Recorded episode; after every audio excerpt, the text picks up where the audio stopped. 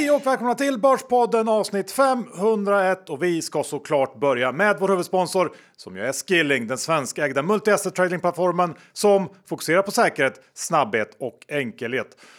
Och John, de senaste veckorna har ju mer eller mindre allt fokus på marknaden legat på banker, eh, kollapsande banker och hur bankerna i stort mår. Och det här har ju orsakat stora rörelser bland annat på aktiemarknaden, på räntemarknaden, men även inom krypto. Ja, det har ju skakat till mycket inom valutan när US-dollarn har tappat i förtroende eftersom man är lite besviken på hur amerikanska staten har hanterat det här. Och det har gjort att krypto verkligen har eh, blommat ut och visat sitt ja, riktiga värde, kanske du skulle säga.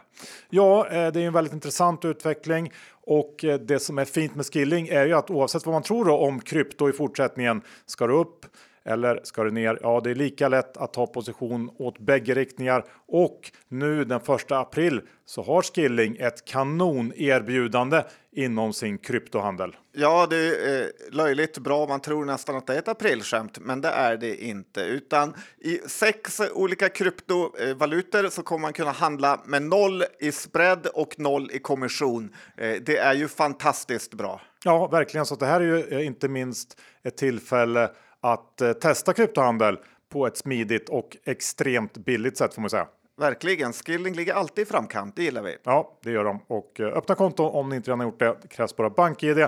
Men kom ihåg att 75% av retailkunder förlorar pengar när de handlar CFD. Så Skilling.com för fullständig ansvarsfri skrivning. Och med det så säger vi ett stort tack till Skilling. Jaha, John, då är det ett nytt avsnitt. Det är det, 501 eh, Lite härligt. Vilket bolag är mest känt i världen för 501 skulle du säga? Levi's. Ja, faktiskt. Det är också det jag tänkte på. Men vad handlar det här avsnittet om? För det kommer inte att handla om Levi's. Nej, men jag tycker att... Levis var några som sa med. Ja. Kanske var Umeå. Att man får lyssna eh, för att få reda på det. Så hemliga är vi. Ja. Det är därför det heter Börspodden, bland annat.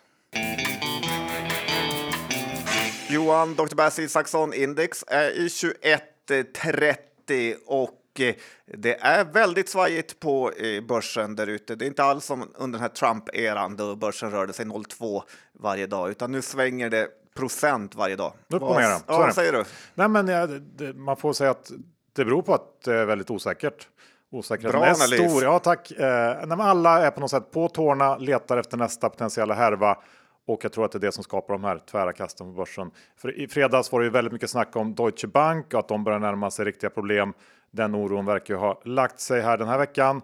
Eh, det snackas också en hel del om eh, commercial real estate i USA. Eh, alltså Ja, helt enkelt fastighetssektorn där det, som dras med stora vakanser. Det är sjunkande tillgångsvärden och lån som ska omfinansieras och att det skulle kunna bli nästa stora problem för bankerna i USA. Så att man letar ju hela tiden nu och vi får se Eh, vad nästa steg blir i händelseutvecklingen. Men jag tycker att det här följer ju ganska tydligt den här mallen för vad som händer i en räntehöjningscykel. Och jag tror ju såklart på fler problem innan det här är över. Men en annan sak jag tänkt på sista tiden är den här extrema diffen i utvecklingen mellan små och stora bolag på börsen. Allt utanför storbolagsindex är ju så ofattbart svagt just nu medan de största bolagen håller emot bra. Och här tycker jag att det ändå har skett ett ganska rejält skifte Eh, bara de sista veckorna och eh, det är väl i sig någon slags risk-off-tecken. Eh, jag har försökt fånga upp en del mindre aktier på slutet, men känslan är att det finns säljare i överflöd och väldigt, väldigt få köpare. Så det är väldigt lätt att hamna i den typen av härvor nu, fastna i aktier som man kanske egentligen inte vill ha. Ja, och ännu eh, mer ökar ju härvrisken eftersom de mindre bolagen är mer illikvida så att det är svårt att komma ur dem eh, om man ändrar sig, eh, vilket man inte har i liksom, storbolagsträsket. Eh. Men precis, och det är väl lite definitionen av en härva. ja, verkligen. Man vill inte ta eh, 5% ner, men så blir det 5% till varje dag. Eh, det är det värsta man vet. Exakt så. Jag sa att vi har haft en svajig period bakom oss och du säger att vi har en svajig period framför oss John. Ja, men jag är väldigt eh, nervig för framtiden här faktiskt. Och eh, vi är ju i den här perioden där utdelningen har betalats ut och eh, det trillar ut varje dag här samtidigt som vi närmar oss en tyst eh, period där företagen inte kan kommunicera med marknaden eftersom ja, det är då 30 dagar innan Q1 kommer och det öppnar ju upp för eh, spekulationer här Och ofta är det nedsidan eh, där de snabba pengarna eh, finns att både tjänas och eh, förloras. Och kanske framför allt de här bolagen där det är lite negativt tolkningsföreträde, sentiment eh, så kan ganska små nyheter få eh, aktier att tappa väldigt mycket. Och sen i de här tiderna så måste man också inse att även om man tror att saker redan är diskonterade i kurserna så är de aldrig det på kort sikt. Det finns nästan alltid möjlighet att överraska på nedsidan och ofta är det faktiskt då de bästa köpen görs när en aktie fallit och fallit och sen kommer det man varit rädd för och på något eh, sätt eh, träffar man då botten och man vet ju själv att man helst bara vill sälja och ge upp. Men det är ofta då man ska eh, köpa. Men sen vill jag ändå slå ett slag för eh, det du tog upp, alla de här problemen som man hela tiden radar upp. Det är lite klassiskt den här eh, wall of worry som Buffett eh, brukar prata om. Att alla är negativa, varje uppställ på börsen är någon typ av bear market rally och så vidare. Eh, så att det, det, finns ändå risk att eh, ja, vi börjar eh, se ljusare tider, även om det inte känns så. Mm, nej, absolut, det har en poäng Eh, helt klart. Och när det gäller bankkriser John, så ska du lära oss ett och annat. Ja, men det ska jag faktiskt göra. Du nämnde Deutsche Bank eh, här innan och något orutinerade eh, personer gör, även fast de kanske har fina roller och titlar, det är att man dömer en bankkris efter bankens börsvärde typ Deutsche Bank, att det bara har ett börsvärde på 200 miljarder och det är ingenting i den globala ekonomin. Ungefär som Swedbank och det är ingen som bryr sig om dem i världen.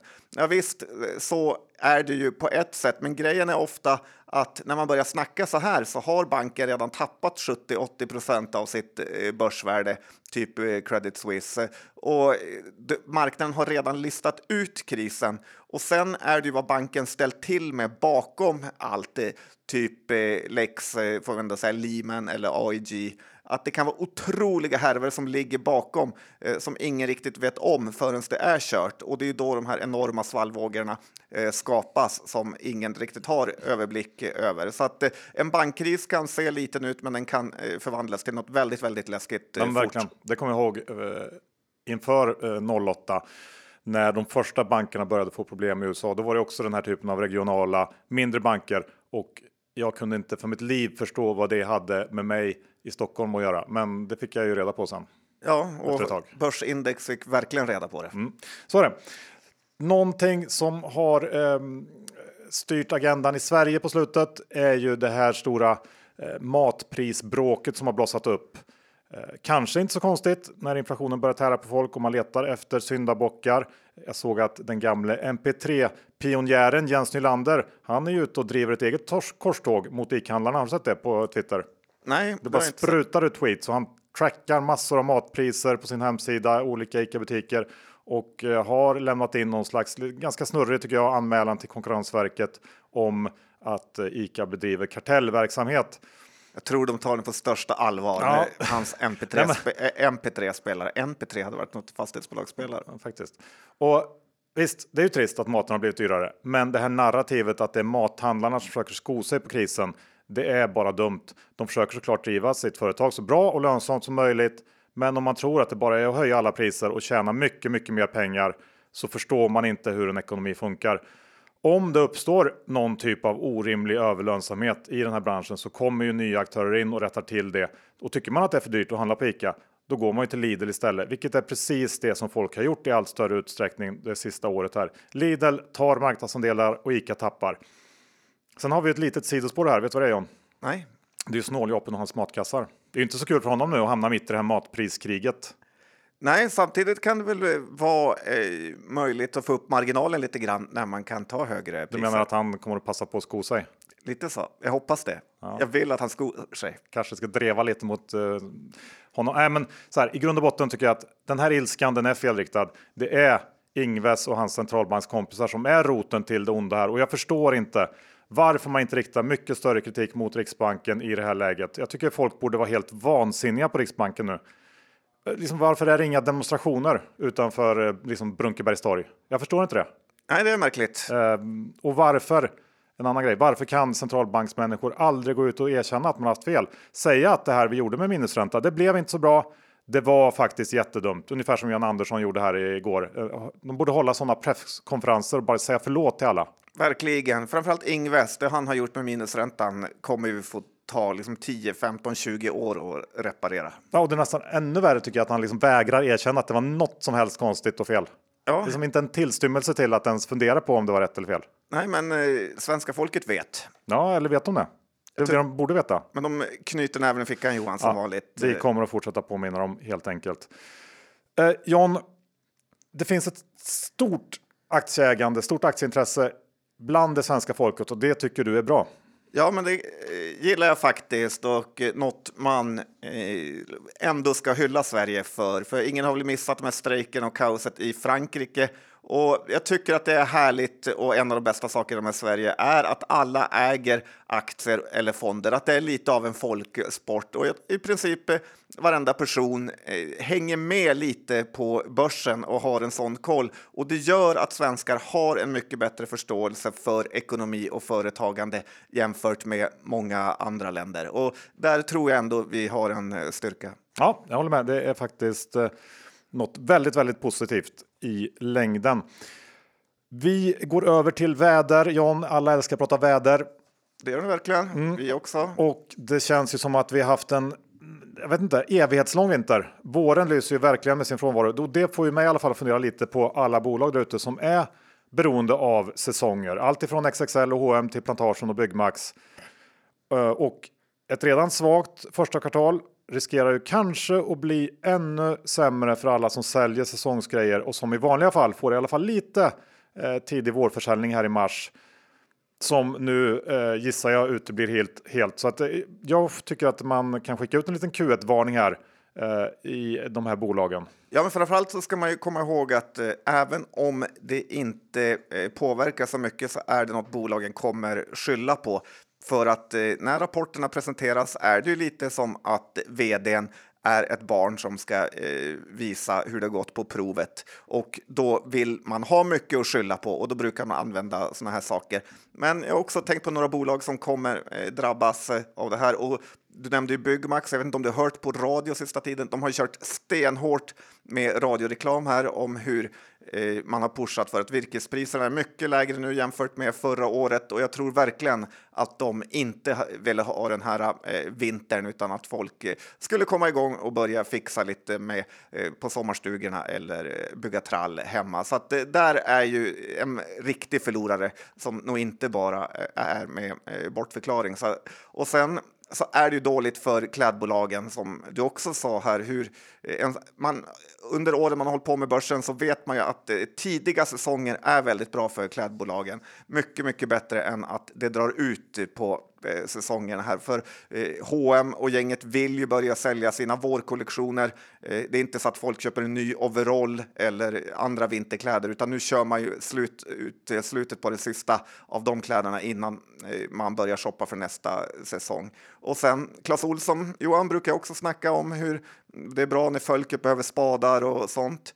SAS, jag vet inte om du har sett dem i tidningarna, men de har ju fått ställa in väldigt många flighter när det har varit snöstorm. Och eh, ja, det finns många bolag här som eh, kommer gnälla. Sen alla som promenerar i Stockholm vet ju att eh, fastighetsbolagen också brukar eh, gnälla över den här snöskottningen från taket och sånt eh, som kostar lite extra och eh, det går inte jättebra för dem nu så att de hittar på säkert något nytt att skylla på. Kanske ett litet plus då för Mekonomen och liknande som får lite fler plåtskador att jobba med. Ja, samtidigt har ju, eh, vill man ju dra igång sommardäckssäsongen och eh, den, den kommer, ju ändå. Jag menar, det spelar inte så Det är ju ändå, mm, ja, man byter ju till slut. Någon gång byter man. Ja. Du, eh, vi byter helt område och jag har en liten eh, fråga att ställa. Är det så att folket håller på att ta över? Jag hoppas det. Det är en av mina eh, största eh, liksom, förhoppningar. Ja, jag kanske ska precisera lite mer vad jag menar. Alltså håller folket, alltså Twitter och privatspararprofiler på att ta över börsen? Och jag ställer frågan för att jag har börjat ana konturerna av en större trend. Vi har ju Günther som hoppat in i Research styrelse och ska fixa till kostnadskontrollen där. Sen har vi miniaktivisten Snåljåpen som den här veckan dundrat in i både LMKs och Envirologics styrelser. Det såg du? Ja, lite målvaktskänsla skulle det också kunna vara ja. över här. Det är inte liksom premiumbolagen han har hamnat i, Volvo industrivärlden. Nej, utan... men han måste ju börja, börja någonstans kanske. Eh, men visst. Och sen har vi ju eh, Hans Isos som gör blanka jobbet i Mips som de här tuffa hedgefonderna inte klarade av. Och inte minst oss, Börspodden, som styr på något sätt nyhetsagendan och så vidare. Ja, är jag något på spåret här eller? Ja, men jag tycker det. Lite spännande var ju att Günther som sitter i Research styrelse var nästan ute och guida på Twitter för eh, hur det gick, eh, tycker jag. Det var offensivt av han. Ja, det var det. Och så är det kul med att få in lite nytt gäng i styrelsen. Jag såg att John Häger, eh, Durox eh, high performer, har hoppat in i Nilars styrelse. Jag vet inte vad han jobbar på för CV egentligen, om man vill ha. Ja, men det var, hade inte Gyllenhammar köpt några aktier där? Jo, det hade han. Men det stod i tidningen att det inte hade något med varandra att göra, okay. även om det känns lite speciellt. Låter ju märkligt. Ja. Vi är den vecka sponsrade av den aktiva fondförvaltaren Klients kapitalförvaltning och John. Nu är det ju dags. Den 31 mars kommer Klients att lansera sin nionde fond och den bedrivs inom ett område som varit uppe många gånger här i Börspodden, nämligen hållbarhet och framförallt då klimatomställningen. Ja, här har Kliens faktiskt tänkt till och eh, skapat något som verkligen kan bli intressant. Ja, nu förenklar vi eh, verkligen här, men fonden kommer alltså investera i en kombination av bolag. Dels bolag som redan är så kallade klimatvinnare, eh, alltså bolag med affärsmodeller och produkter som ska hjälpa till och lösa klimatomställningen och även kommer att gynnas av den enorma eh, investeringsvåg som kommer att göras för att lösa klimatomställningen under det kommande decenniet. Men det som verkligen skiljer fonden från andra är att en stor del av kapitalet ska investeras i så kallade omställningsbolag, alltså bolag som i dagsläget bedriver en brun verksamhet, men som har ett klart och uttalat mål om att styra om sin verksamhet till grönt. Och den här fonden kommer förvaltas av Emir Burovac en av finansbranschens mest långvariga hållbarhetsanalytiker som nu alltså tar steget till att bli förvaltare. Ja, och Börspodden säger såklart stort lycka till till Mir och Kliens. Och här känner man ju att man vill vara med från början John. Verkligen. Den här fonden kommer börja handlas den 31 mars. Ja, och vill man veta mer om fonden Kliens Global Climate så går man helt enkelt in på kliens.se Scrolla ner och anmäler sig till nyhetsbrevet och eh, där får man då mer information och köpa klientsfonder. Det gör man lättast via Avanza och Nordnet, men såklart också prispressaren Saver och det går också att köpa fonden direkt hos klients i deras egna ISK lösning.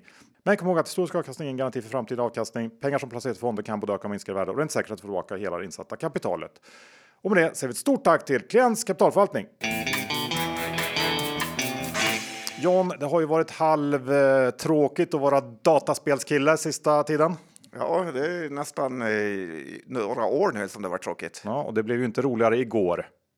När Embracer eh, gick ner 13-14 procent. Ja och det berodde ju på att de meddelade att det uppstått förseningar i tidpunkten för slutförandet av de här partner och licensavtalen som eh, man tidigare sagt skulle slutföras under innevarande kvartal. Nu räknar man istället med att gå i mål med de här avtalen under sitt första kvartal, alltså perioden april till juni och i eh, det här pressutskicket så skrev bolaget inget om hur det påverkar de prognos man gått ut med för det här året. Men eftersom den här prognosen redan var extremt baktung och att Embracer i tidigare rapporter tryckt på att prognosen innehåller olika utfall gällande just de här partner och licensavtalen så känns det ju mer eller mindre säkert att målet det kommer inte att infrias och det här var någon slags vinstvarning. Och osäkerheten kring hela Embracer-bygget, den var ju redan innan det här beskedet stor och den här typen av besked, det spär ju bara på den känslan ytterligare. Det finns massor av potentiella härvor i den här enorma koncernen av massor av olika spelstudios och spelbolag och spelutvecklare Blankarna har ju länge pekat på tveksamma redovisningsmanövrar och eh, jag tror ju att man fortsatt ska vara försiktig med den här aktien trots att den har gått ner väldigt mycket.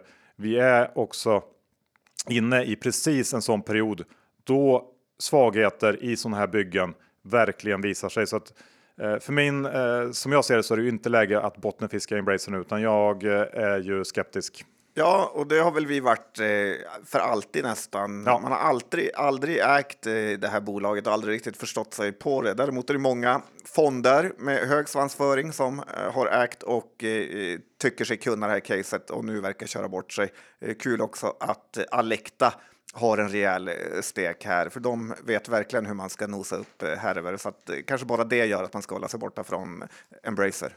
Ja, nej, men det där känns inte kul.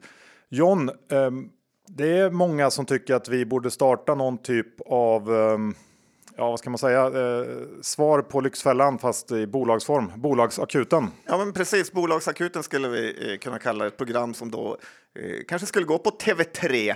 Lite som Lyxfällan, fast vi åker eh, runt eh, landet och skäller ut eh, kassabolag eller försöker hjälpa dem om det är möjligt. Och om vi hade haft ett sådant program så skulle vi direkt åka till Norge faktiskt och hälsa på huvudkontoret för XXL som jag känner är sånt genomuselt eh, skött eh, bolag. Eh, jag var på deras nya butik här på Bromma Blocks efter de har lagt ner den här megalada varuhuset eh, som de hade tidigare och nu eh, skaffat en eh, lokal inne i själva eh, köpcentret. Har du varit där?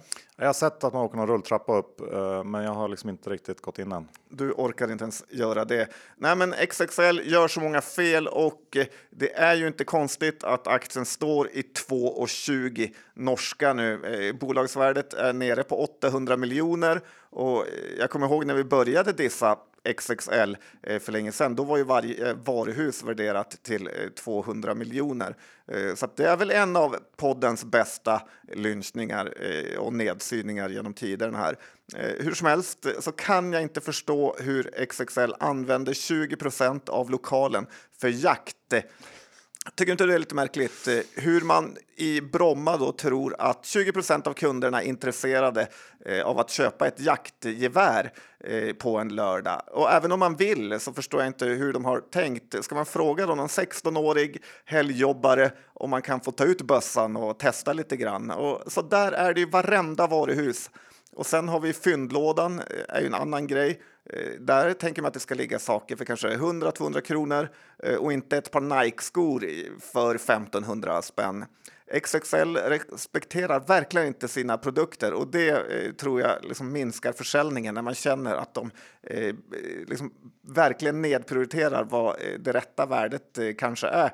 Eh, och hade jag bestämt eh, så hade jag skurit ner sortimentet med kanske en tredjedel. nu har man ju rejäla reor faktiskt för att förbättra kassaflödet så att det ska bli spännande att se hur det går. sen en annan grej, har du varit inne på deras hemsida? Mm. Den där har de ju direkt eh, översatt eller dataöversatt recensionerna eh, mellan de nordiska länderna så att det är helt obegripliga eh, recensioner på många av deras eh, produkter. Eh, vilket också är mycket märkligt hur man kan behandla sin eh, hemsida. Ja, nej, men jag håller med, det, det ser ju inte bra ut. De tog ju in 500 miljoner för mig ganska nyligen, det var i slutet av förra året och nu snackas det om att det behövs nytt fräscht kapital igen. Och eh, ja, det är väl nog så. Och jag kan hålla med om att sortimentet är märkligt. Jag tycker ofta det känns som att det, det är liksom, de har alla de stora varumärkena, men det är ändå någonting som skaver. Det är som att de har köpt in någon så här eh, andrahandssorteringskollektion som det är liksom alltid.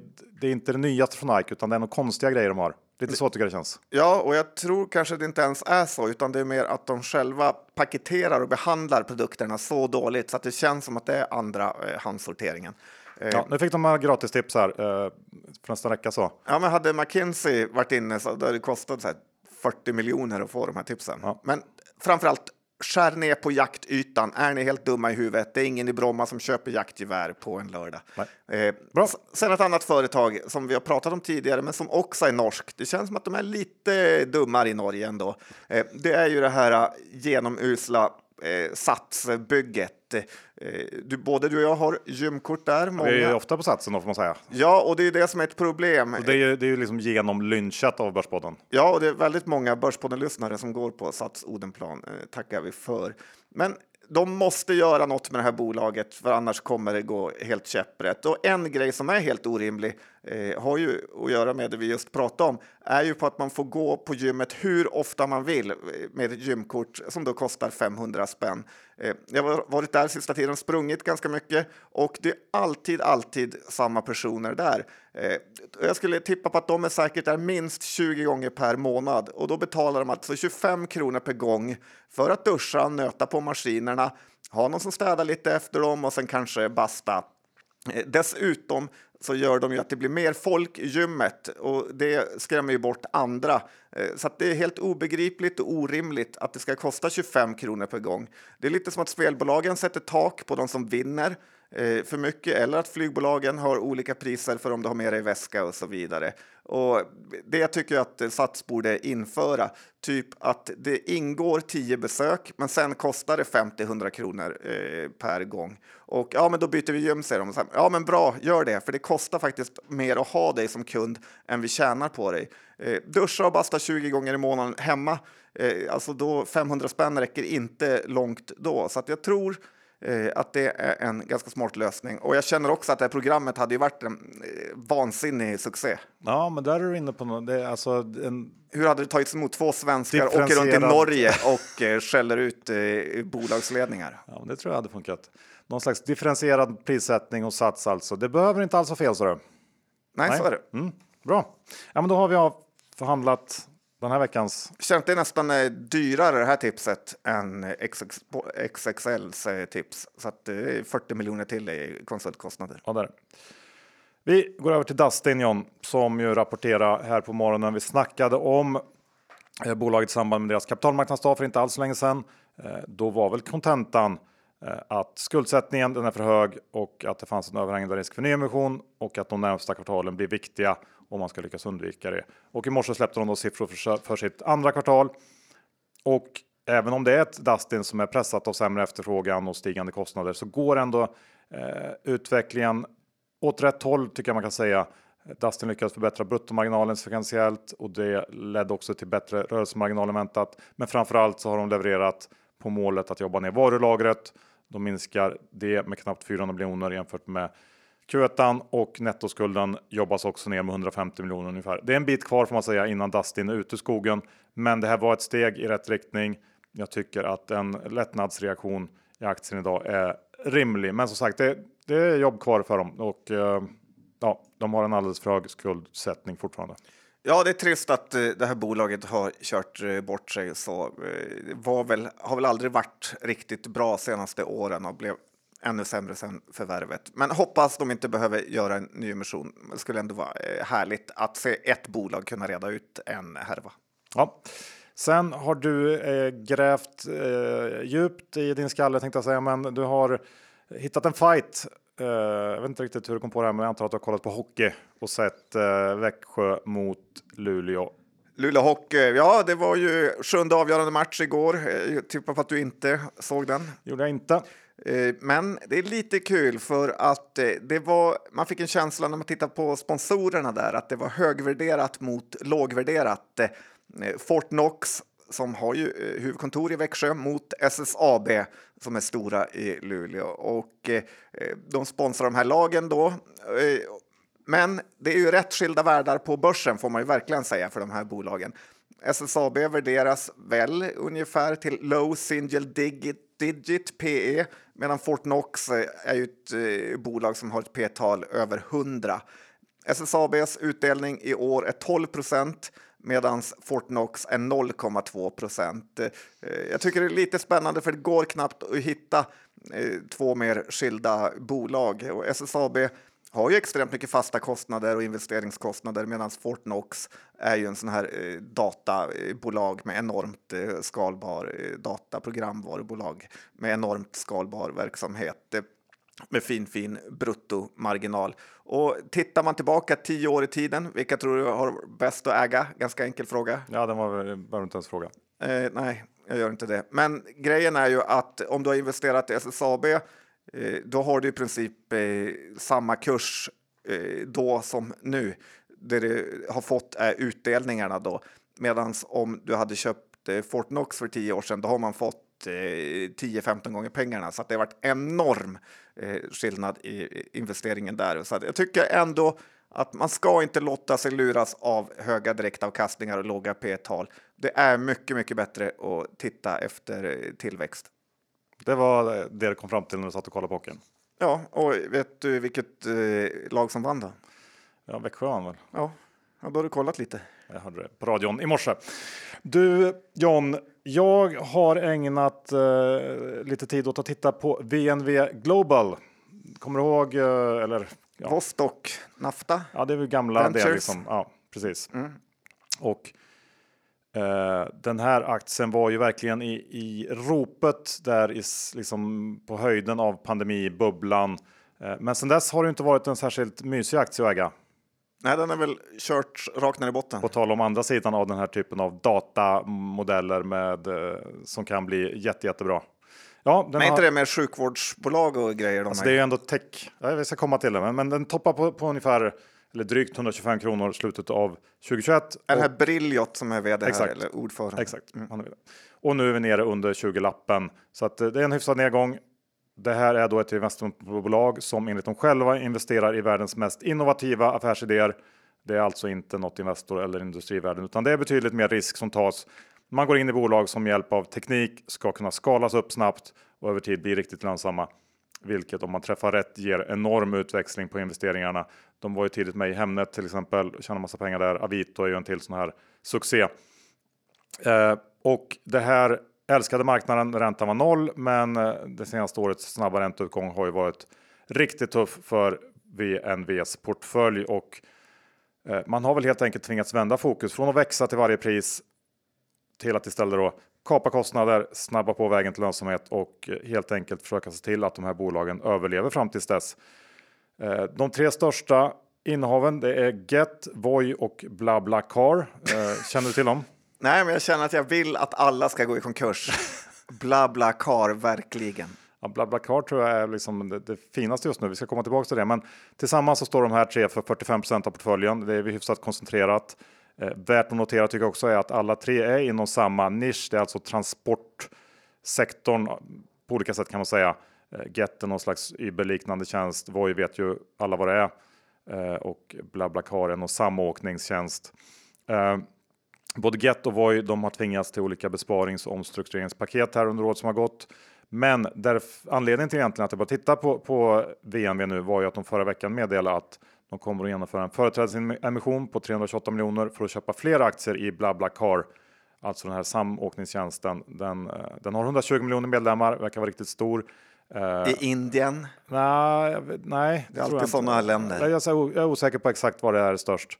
Aldrig hört talas om det. Här. Nej, men du åker inte så mycket samåknings... Nej, men det är väl det som är grejen med bilar, att du vill inte samåka för då kan jag lika gärna åka lokaltrafiken. Eller är det så här, åh, ska du någon åka till Malmö på torsdag och sen Jag vet inte riktigt, men det verkar ändå finnas många som studenter, typ. inte tänker som dig. Du hade ju inte samåkt med någon. Nej, det hade jag inte gjort kan jag säga. Men eh, det finns ju, alla är olika och det är jättebra att det finns en tjänst för de som vill det. Oj. Annars ja. kan det, det kan vara svårt att träffa likasinnade. Ja, men jag Om tror liksom nu, grunden med att du åker vi, bil är att du inte vill åka ja, med andra. Vi lämnar den här För då hade du kunnat köra ja, taxi. Vi, läm vi, lämnar det. Och mm. det är alltså, anledningen till att de tar in de här 328 miljonerna är ju då att det uppstått en möjlighet att köpa befintliga aktier i det här bolaget och eh, då till rabatt mot nyligen genomförda transaktioner i den här bla bla bla aktien och till ett värde som då är långt under vad det här bolagets verkliga värde är enligt eh, VNVs eh, ledning. Lite småsparar-take eh, över det hela. Ja, det beror på. Det är väl redan jätte, jätte substansrabatt i VNV? Ja, det är det. Eh, men, men så här, om man ska liksom se det ur deras synvinkel så förstår jag att de gör det. Här, eh, den här transaktionen i Q4 så skrev de att eh, BlaBlaCar går väldigt bra och att det är den bästa tillgången i portföljen sett till lönsamhet och köpa aktier nu då till rabatt skulle ju kunna visa sig vara en strålande affär. Men som vi sa innan, den här typen av investeringar ligger ju verkligen i högriskfacket. Fram till ganska nyligen så såg deras investering i det här Kry-liknande bolaget Babylon Health ut att bli en riktig fullträff. Babylon stod för faktiskt nästan 30% av substansvärdet när det här bolaget noterades genom en SPAC-affär i USA i slutet av 2021, alltså på toppen egentligen kan man säga, och techbubblan. Men eh, jag var tvungen att gå in och kolla på, på den här aktien. Den har ju gått alltså Babylon då, den har gått från nästan 300 dollar till 5 dollar eh, sedan dess, vilket ju är en helt makalös utveckling. Eh, Dåliga. Ja, eh, och nu är det här innehavet nere på ynka 3% av VNVs eh, portfölj. Som du sa, eh, VNVs aktie handlas till en enorm rabatt. Nu drygt 60% rabatt mot senaste redovisade substansvärdet. Givet alla utmaningar som den här typen av bolag har just nu så kan jag förstå det. Och sen så får man också ta den här substansen med en nypa salt eftersom det är extremt svårt att värdera de här bolagen. Det är ju i många fall allt är inget som gäller. Gillar man Bla bla car. ja, och resten av portföljen. Jag ska prova den tjänsten om det går. Ja, men så är det ju ändå något typ av det flyter blod på gatan läge nu när både underliggande innehav slaktas och rabatten är rekordhög. Eh, Sen är det mycket möjligt att det blir värre, men ja, det, det, det är ju inte kul.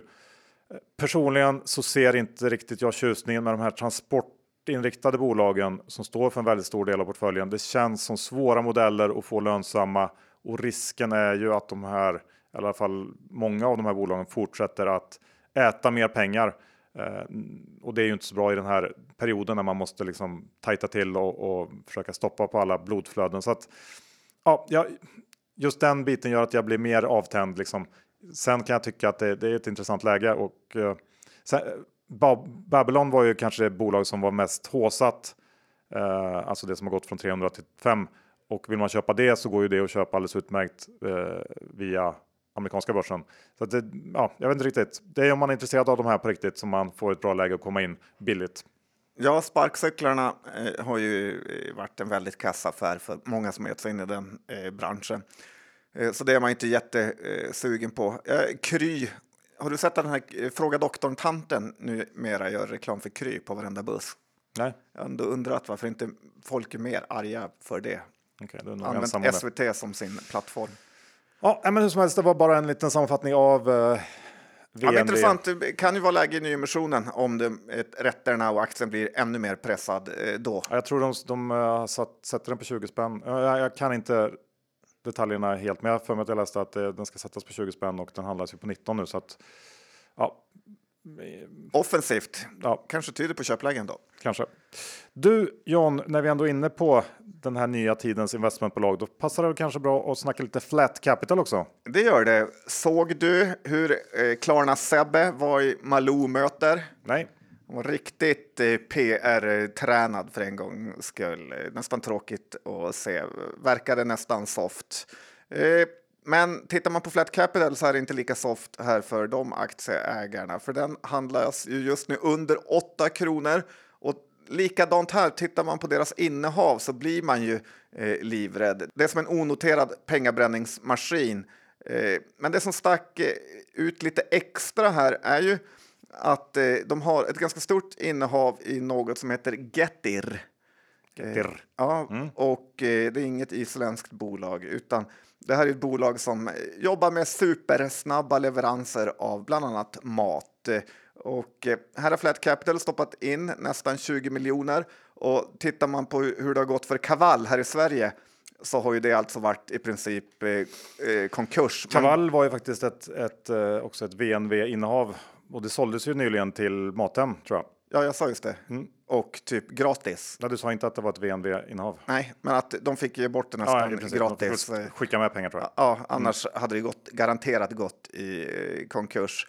Och eh, jag tror ju inte att det har gått jättemycket bättre i andra länder eh, heller. Nu försökte jag gå in på Getirs hemsida, .com-adressen, men den fungerade inte ens. Eh, UK-adressen fungerade. Eh, och eh, sen investerade ju Flat här under 2022 vilket måste vara något i stil med att vara puck eh, 122 när vi ändå pratar Ja, lite hockey. Så att, eh, ja, Flat Capital känns inte så krispigt just nu trots den här stora Och så eh, antar kursnedgången. att, att merparten av portföljen ändå är Klarna, eller? Det är det verkligen. Ja. Och det är man ju inte heller supersugen på. Nej, bra film för övrigt. Supersugen. Jag säger ofta faktiskt när jag säger supersugen. Ja, det är en go-to-kommentar. ja. eh, har du sett den? Ja, Jonah Hill. Var, Ja, ja, ja, jag tycker den är jättebra. Ja. Eller jag tyckte det i alla fall när jag såg den. Nu- den kanske inte åldrats så bra. Nej, jag vet inte. Den har sina poänger. Ja, men Flat Capital är vi inte supersugna på. Nej, Och eh, just den här, det hänger väl ihop att eh, man är väl också lite feg att man vågar inte köpa kniven i varken VNV eller Flat. Att, som vi sa i början, det känns ändå som att det kommer vara mörkare innan det blir ljusare. Ja, och i Klarnas fall känns det väl som att det, det är väl liksom nästa del i bankkrisen, den här typen av eh, riktigt usla konsumentlån. Jag menar, det är väl inte jättekul att sitta på. Nej, det verkar inte kul. Och det gick ju inte bra innan heller, så att Nej, nej. är borde sålt mer på toppen. Slut på avsnitt 501. Vi säger stort tack till vår huvudsponsor Skilling. Se till att ha ett konto igång om ni inte redan har det. Det händer ju så enormt mycket nu, både dag och natt utanför den svenska börsens öppettider så att uh, att kunna agera snabbt när man vill kan vara guld värt. Ja, och det är en av de stora fördelarna med att ha ett uh, skilling-konto. Yes, Glöm inte heller bort att man kan uh, trada nu första april eh, krypto utan spread och utan kommission. Precis, bara det. Men kom ihåg att 75 av retailkunder förlorar pengar om man har CFDs bolagsskilling.com för att få ansvarsfri skrivning. John, eh, innehav idag. Jag tror inte att det är så mycket va? Nej, det är inte så mycket. Vi var mest rädda hela avsnittet. Mm.